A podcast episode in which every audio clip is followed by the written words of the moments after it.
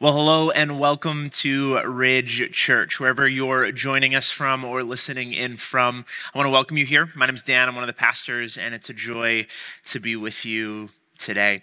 Um, wherever you are listening from, likely if you're listening right around the time this sermon is being preached, we are in the midst of a bit of a heat wave. It is hot every day, and some people, like my wife, love that heat. It's amazing. They love it. They think it's absolutely awesome. I do not do well in the heat. I regularly feel overheated. And so, my question for you today, this morning, as we begin, is, is really simply this Do you drink enough water? Like, seriously, do you drink enough water? Because most of us don't. I remember when I was first married, the first job I had after I uh, got married to my wife, Jaleesa, was working as uh, a con- construction laborer, primarily working in concrete at dairy barns. And so I would help build manure pits and all those kinds of things. And I remember my first day going in ready for a 30 degree day in the Shuswap heat where we lived in Salmon Arm, ready to be uh, a hard working tradesman, which I know you look at me, you can tell I'm I'm definitely a hardworking tradesman. And I remember I went into that first day um, with my little water bottle. It was, you know, a Gatorade sized bottle or whatever it may be, and my huge travel mug of coffee because I wasn't used to getting up that early to do physical labor. So on day one, I did okay. Uh, I was learning stuff, I was getting orientated, all those kind of things. On day two, in the heat, I made it three hours into the eight hour workday before I ended up passing out out due to heat exhaustion. My beginning to my construction career was not going very well. The next day, I realized, and like I should have much before that, is that one small bottle of water is not enough water when you are in the sun swinging a hammer and pouring concrete on a regular basis. I went to the store and I bought the one gallon jug that I thought was comically large, and yet every day I drank the whole thing because I needed it. Why? because nothing satisfies like water. Not coffee, though I do love coffee, not pop, not juice. Water is central to our experience of life, not just scientifically, but just functionally. Anytime I complain to my wife about a headache or I feel tired or something's wrong, the first question she asks, which is the right question to ask, have you had enough water today? See, this is not a new development, but water has long been a central idea to the very nature of life. In the Bible, we find that water is deeply connected to the giving of life from God. And where we find ourselves in John's story of Jesus' life, we find the people of Israel celebrating what was called the Feast of Tabernacles. See, this was an annual feast, it was eight days long. It was all about remembering the time that God's people spent in the wilderness, and specifically how God provided for them in the wilderness. They did a number of different things. Uh, for a certain amount, they lived outdoors in huts and tents to remember what it was like to be a people wandering in the wilderness. But one of the most important rituals of that festival was a, a, a ritual to remember how God had provided water for them. And on the final day, what John actually reminds us is the most important day, the greatest day of this festival. There was actually a ritual done by the high priest and the priests and a whole congregation of people worshiping where they would go out from the temple, they would get water, um, and they would bring it back to the temple, all to remember this specific story where Moses, who is the leader of the Israelite people, struck a rock and God provided water for them when they were thirsty in the wilderness. Everything about what they were doing was to remember how God had not only provided, but had satisfied their thirst. And in this moment, what we end up finding is that Jesus, something about this ritual, something about the water, something about the way that people are interacting around this idea of thirst and water and remembering that God provides the water that they need, something sparks in him, and we see Jesus almost begin to shout. We see Jesus in one of the only moments we see him get worked up, normally quite calm, quite composed, not ecstatic, not erratic, not anything like that. We see Jesus get urgent. Verse 37 of John chapter 7, if you want to read along with us today. Here's what it says. On the last and most important day of the festival, Jesus stood up and cried out, If anyone is thirsty, let him come to me and drink. The one who believes in me, as the scripture has said, will have streams of living water flow from deep within them. He said this about the Spirit. Those who believed in Jesus were going to receive the Spirit, for the Spirit had not yet been given because Jesus had not yet been glorified. What is Jesus saying? He sees the water, he sees the ritual, he sees the people remembering how God had provided for their thirst. And what he says very simply is, I know where the real water is. You don't just have to do a ritual to remember. You can actually access the same kind of water, the most real water that there is, the most satisfying water that you could ever imagine. All you need to do is to come to me, just like he spoke to the woman at the well that we talked about a few months ago in John chapter 4, where in verse 13, Jesus said to this woman he meets at a well, desperate for water in the heat of the day, he says, Everyone who drinks from this water will get thirsty again. But whoever drinks from the water that I will give him will never thirst again. In fact, the water I give will become a well of water springing up in them eternal life. See, for Jesus, as he sees the people navigate through this ritual and remember the provision of God, something has worked him out. Something has called in him a desire to tell people that, that this is not the end of the story the remembering what God did in the past is not the end of the story, but they're invited to experience what God is doing right there in the present. And like cold and fresh water to the thirsty and overheated body, God is giving a gift, something that is beautiful. And John, being so kind as the author of this story lets us in directly on the meaning of what Jesus is talking about. He's not talking about a literal water flowing as if someone would be filled with liquid. He's talking about the Spirit, verse 39 says, that those who believe in Jesus were going to receive the Spirit, for the Spirit had not yet been given because Jesus had not yet been glorified.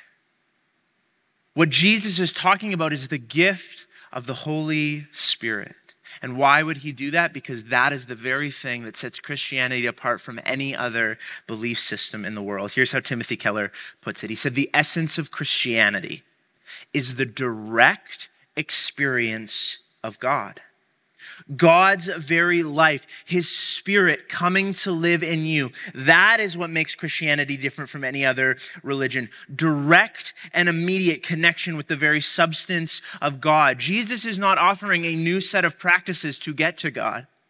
Jesus is not offering a list of rules that you can follow. And if you follow those rules right, you might be given some water to satisfy your thirst. He's not giving a political stance. He's not trying to start a revolution. Simply what he's doing is offering an outpouring of himself. A tangible experience as if to say that you can experience the reality of God in your life right now to satisfy your thirsty soul. And you know what it's like to be thirsty, right? If you've played any sports or if you've gone for a run in the heat, whatever it may be, you know what it's like to thirst. I remember a year ago, our church soccer team was playing in the playoffs, and it was just the most humid night I've ever experienced. It was like 28, 29 degrees and like a thousand percent humidity. And I remember running on that shift and just feeling absolutely awful and getting to the bench and having this big bottle of water. And no matter how fast I drank, no matter how much I could get it down, there was ice in it, it was perfect temperature. I just wanted to drink more and more and more and more. And, even to the point where I felt like, oh my gosh, I can't even breathe because I'm drinking so much water. I need this water. It's so good, it's so satisfying. Charles Spurgeon, the Baptist minister, describes the experience of the Holy Spirit in this way. He says that some of us know what it is to be too happy to even live. That the love of God has been so overpowerfully experienced to us on some occasions that we actually had to ask Him to stop the delight because we could endure no more. That if God had not veiled his glory and his love at least a little bit, we would have died for joy. What an absolutely profound statement that there was so much joy, so much satisfaction in the experience of God's Spirit in your life that you feel like you're going to die because of the joy. Does that match your experience of faith in Jesus? When you think about your relationship to God, when you think about your spirituality, does that line up with what your experience? For most of us, it doesn't. Sounds like a pipe dream, sounds like something far off. How could that be possible? Well, it is through the gift of the Holy Spirit. And today, what we want to look at is how Jesus points us to these different elements of the Holy Spirit that he's talking about before it comes, and it will come in the book of Acts. And he begins with this the story of the Spirit. See, the Holy Spirit is not a person or a presence that simply shows up in the New Testament. From the very beginning pages of Scripture, we see the Spirit at work. In Genesis 1, we see that the Spirit was hovering over the face of the waters. In Genesis 2, we actually find out that the, the bubbling up, the springs of life that Jesus speaks of, is actually a reference back to the Garden of Eden. Here's what it says in Genesis 2. When the Lord God made the earth and the heavens, neither wild plants nor grain were growing on the earth for the Lord God had not yet sent rain to water the earth, and there were no people to cultivate the soil. So, so the earth, it's a desert, it's desolate, there's nothing there. Instead, though, springs came up from the ground and watered all of the land. Then the Lord God formed the man from the dust of the ground, and he breathed the breath of life. Breath is the same Greek word for spirit, the spirit of life into the man's nostrils, and the man became a living person. But if you know the story of the Old Testament, you know that sin enters the picture and a barrier is created between humanity and God. And we see throughout the Old Testament, if you read all the way through it again and again and again, the Holy Spirit is there and is at work, but there always seems to be a barrier because people have been cut off from those springs of life that flowed in the Garden of Eden. They've been sent out into the wilderness. And yet we see God's graciousness that he leads them as a pillar of fire, the Israelite people through the wilderness, that we see him speak to Moses as the burning bush, uh, an allusion to what would eventually be the tongues of fire over people's heads when they received the Holy Spirit. That Moses himself desires so deeply to experience more of God's Spirit that he asks God, he says, Reveal your face to me, reveal your glory to me. And God has to say to him, I can't, it would kill you. And so God chooses to exist by his grace, chooses to be present with his people in a way that would not destroy him by his holiness through things like the tabernacle and eventually through the temple. But there's always a barrier, the Holy of Holies, that no one may enter, the veil that stands between people and God. And the Holy Spirit works through leaders and judges and prophets and kings. He, he comes and he moves and he works through people. But what Jesus seems to be saying here is that the Holy Spirit, that his presence, his coming, is marking a time and space when the Holy Spirit is going to be here, is going to be present in the lives of people who put their trust in Jesus, not simply for a moment, not simply for a time not simply through a picture or a symbol, but in reality, with no barrier, with nothing to stand in between God's glory and goodness and kindness and the presence of that in someone's life. That it does not depend on Moses or other leaders, that it does not depend on priests, that it does not depend on a temple.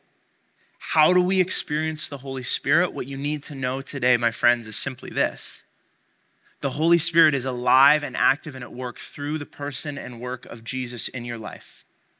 You are not in need of someone else to bring the Holy Spirit to you.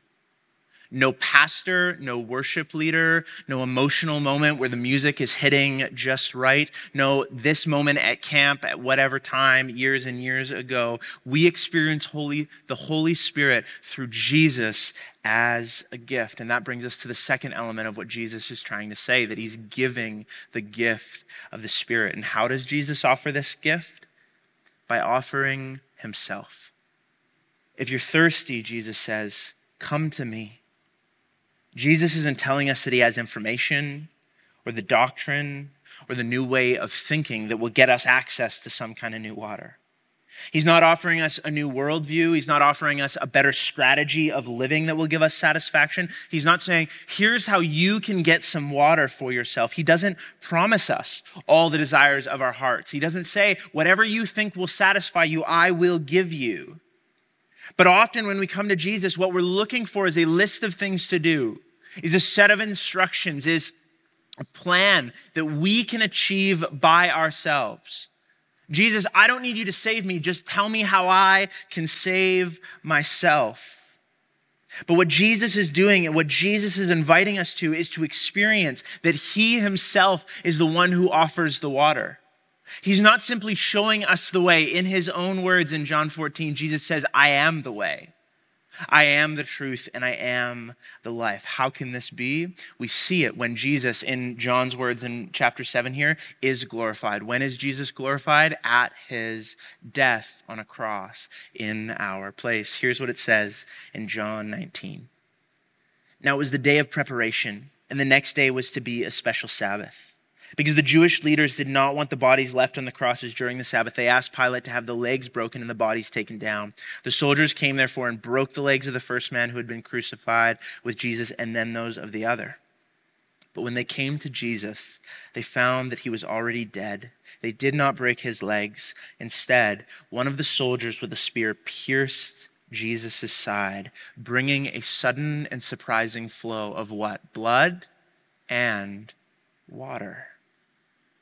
See, as Jesus receives the spear into his side, not only does his blood flow out to cleanse us from all sin, but we also see water flow out. That Jesus' death, his sacrificial, willing death on our behalf, the greatest act of love of all time, becomes the fountain, the streams of living water that changes everything for us the way in which Jesus offers us an ability to receive the Holy Spirit is not through spiritual tricks, is not through an epic moment, is not through getting the, the band and the worship and the music just right. It is through his sacrificial death on our behalf. Which is why when Jesus speaks, he shows us the requirements or, or the qualifications to receive the Holy Spirit. And there's two. And the first one is simply this it's thirst. It's thirst. See, what is thirst? Thirst is admitting the absence of something. Thirst is admitting when we look at our lives that we don't have it all together, that we can't figure it out, that we cannot save ourselves. So when we come to Jesus, the, the qualification is not that we look good, that we sound good, that we try to make our lives seem good, but rather that we're willing to admit that they're not that we're willing to be thirsty. That's why the Pharisees missed it, but the prostitutes and the pimps seemed to get it because they realized that they were thirsty for something, that they were desperate for a satisfaction that they could not get on their own. As one pastor put it, the only standard is to see that you don't meet any of the standards. The only qualification is thirst. The only need is need. And the second, come to Jesus. Jesus says, if you are thirsty, come. Where? To church? No. To a theology lesson? No. To a pastor who has the magic words? No. Come to Jesus. No fancy tricks, no spiritual elitism. You do not have to speak in tongues or pretend like something is happening in your life that isn't. You don't need to work yourself up into a frenzy to prove that you are ready to receive the Holy Spirit as some kind of leveling up in your Christianity. You simply need to go to the one who has water. And so, my question for you today, whether for the first time or the first time in a long time, will you go to the one who has water? Will you experience your thirst? Will you experience your need and go to Jesus? Not to another sermon, not to another argument, not to another trying harder to save yourself, but to Jesus, the one who can give you the water that will bring you satisfaction. See, the problem is that seems too simple, right? For most of us, we're more comfortable with rituals that can give us momentary satisfaction, that feel like we can check something off our spiritual to do list. And they may not fulfill the longings of our souls, but at least I feel like I'm doing something. At least I feel like I can achieve something. I'm doing the right things. I've got the list of rules I'm supposed to follow. I'm a moral person. I'm a good person. I'm going through the motions of my so called Christianity. I'm doing all the right stuff. But as John Ortberg notes, the great danger in our day is not that we will renounce our faith, it is that we'll become so distracted and so rushed and so preoccupied that we settle for a mediocre version of it that we will just skim our lives instead of living them, that we will miss out on the power of the Holy Spirit and what he wants to do in our lives. Because as Jesus says here, the one who believes in him, as the scriptures have said, will have streams of living water flow from deep within him. You don't just receive the water, you become a source of water for the sake of others. See, most of us have a variety of experiences when it comes to the Holy Spirit.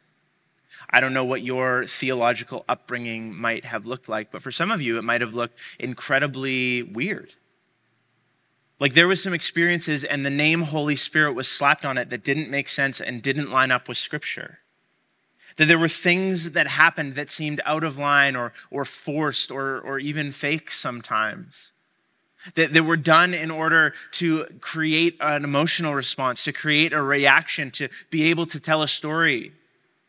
I've spoken to people who have grown up in certain contexts where they felt like they had to fake speaking in tongues in order to really be accepted into the community.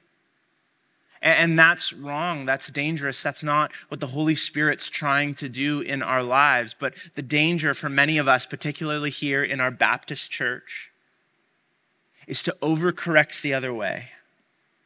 To actually say, I've seen this done wrong, and so I'm out. I've seen the work and power of the Spirit faked or done wrong or done in an inappropriate way, and so I'm not interested in it. We would never say that when we look at the world, when we look at our church, when we look at our lives, that we don't believe in the power of the Spirit. I believe in the power of the Spirit to heal, to bring about miracles, to bring about revival, to bring about all those things. And yet, functionally, we operate as if we don't actually believe those things. We don't actually believe that the Spirit could do things that are beyond what we could ask or imagine. We become what's called a functional cessationist. That we believe and act as if the Holy Spirit is not alive, is not active, is not at work in a profound and miraculous way. My friends, the solution to bad theology and practice of the person and work of the Holy Spirit is not to ignore or abandon the person and work of the Holy Spirit. See, the question that I think we have to ask is how much of God's Spirit do we actually want? Because God is not going to force us to receive His Spirit. He's inviting us to taste and see that He is good. That when we do that, we can experience the final thing Jesus is trying to point us to, and that is the power of the Holy Spirit. Tyler Staton, a pastor, reminds us of this, though, that the Holy Spirit is a person to know, not a force to be captured. See, we are not chasing spiritual experience. Our desire, our vision as a church is that our city would know Jesus. Our desire and our hope is not that people would have an intense spiritual experience for five minutes. Our desire is that their lives would be so transformed by a knowing and understanding and relational being with who God is. And that's why the primary work of the Spirit in the context of the Trinity that we believe in is simply this to shine light on Jesus. Martin Luther, the great reformer, said this of the Holy Spirit. He said, The Holy Spirit has kindled a fire in my heart and my soul, not to possess things, but to possess God to have your eyes fixed on Jesus. Jesus, when he's talking about the Holy Spirit in John 16, says this When he, the Spirit of truth, comes, he will guide you into all truth. He will speak on his own. He will speak he will not speak on his own, rather, he will speak only what he hears. He will tell you only what is yet to come.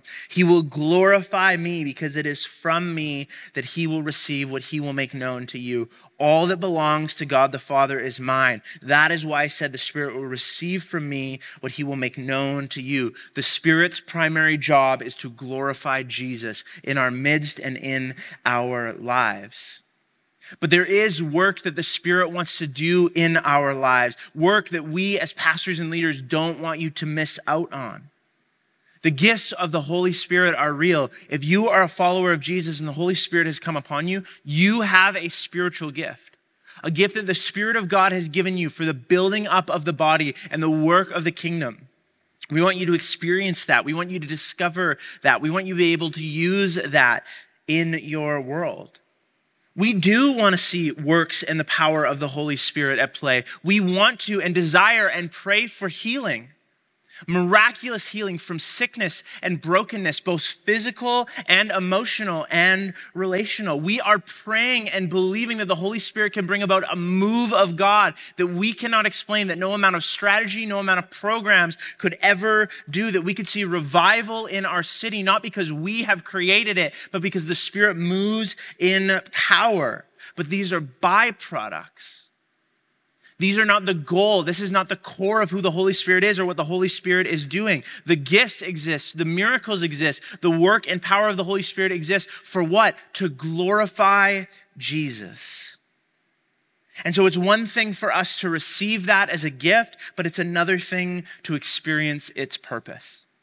A number of years ago, I was gifted by a good friend who wanted me to get into ice hockey a set of hockey gear. And it was a high quality set. He himself had upgraded and he gifted me this kind of really high quality set of gear. And I had never played hockey. I, I can't really skate even to this day, but, but he had given me this gift. And I remember I tried it on. I made sure it fit. It was awesome. I got this epic bag to like store it in. But you know what I did? I put it on my deck and never once did I use it. It ended up being thrown out not because I had the wisdom and the maturity to admit that I was never going to play hockey, but because wasps built a nest in it and ate through all the equipment. See, I'd been given in a gift and it was beautiful and it was wonderful and it could have been used for something amazing, but I left it sitting there and never used it. Don't let the Holy Spirit be a gift that sits unopened and unexperienced because the flow, the, the, the fountain that Christ is trying to create in you is trying to grow in us something beautiful. Josh Nadeau, uh, a poet and an artist, often known as Sword and Pencil, writes these words. He says, All growth and all flourishing requires a fuel. Plants eat up light to grow, humans eat up food to grow, and the same is true for our walk with Jesus. We must consume something. We must feast on his light and his life. He gives himself for our good. He pours his love into our hearts and it feeds us. It nourishes us. It empowers us to love in response. Streams of mercy flow from his wounds, wounds so that rivers of living water may spring forth from our living. Growth is about feasting. My friends, if you are thirsty to grow something beautiful in your life, receive the water, the living streams, the living water that Jesus has on offer. Allow it to water the garden that is your life and bring about what we call the fruit of the Spirit love and joy and peace and patience and kindness and goodness and faithfulness and gentleness and self control. Don't make that a list for kids to memorize. Make that the core of what it means to live as a human fully. To live in the context of a garden. See, a garden's messy, but it grows and produces fruit. You don't water a garden to admire wet dirt. You water a garden so that something might grow and that that grows and that that produces more seeds that more might grow that what jesus is trying to do in us is bring about a well of living water that springs forth and blesses the world as we bear fruit. And so the invitation today is simply this. Are you thirsty because if you are, your only need is need that you might come to Jesus and experience a water that will not only satisfy you, but will bring up a well in your life that will change your world and the world around you. Let me pray. Dear Jesus, thank you for the reality that you offer us, that which can quench the thirst at the depth of our souls. Jesus, that, that from your wounds flows the water that brings about life. That from you pours forth the gift of the Holy Spirit, that there is nothing separating us from your presence in our lives, God. And I pray for each one of us that we would be able to desire the kind of life, the kind of joy, the kind of satisfaction that only you can offer. That we would experience your spirit at work in our lives, that it would not be like a gift left unopened, but that we would know and experience the glory of all that you want to do in our life, Holy Spirit. Spirit, glorify Jesus glorify Jesus in our midst through the work of the spiritual gifts, through the work of your power to heal and to save and to redeem and to bring about whatever it is that you want to bring about, Holy Spirit. And so we invite you now come, Holy Spirit. Work in us and work through us for our good and for your glory. We pray this in your precious name, King Jesus. Amen.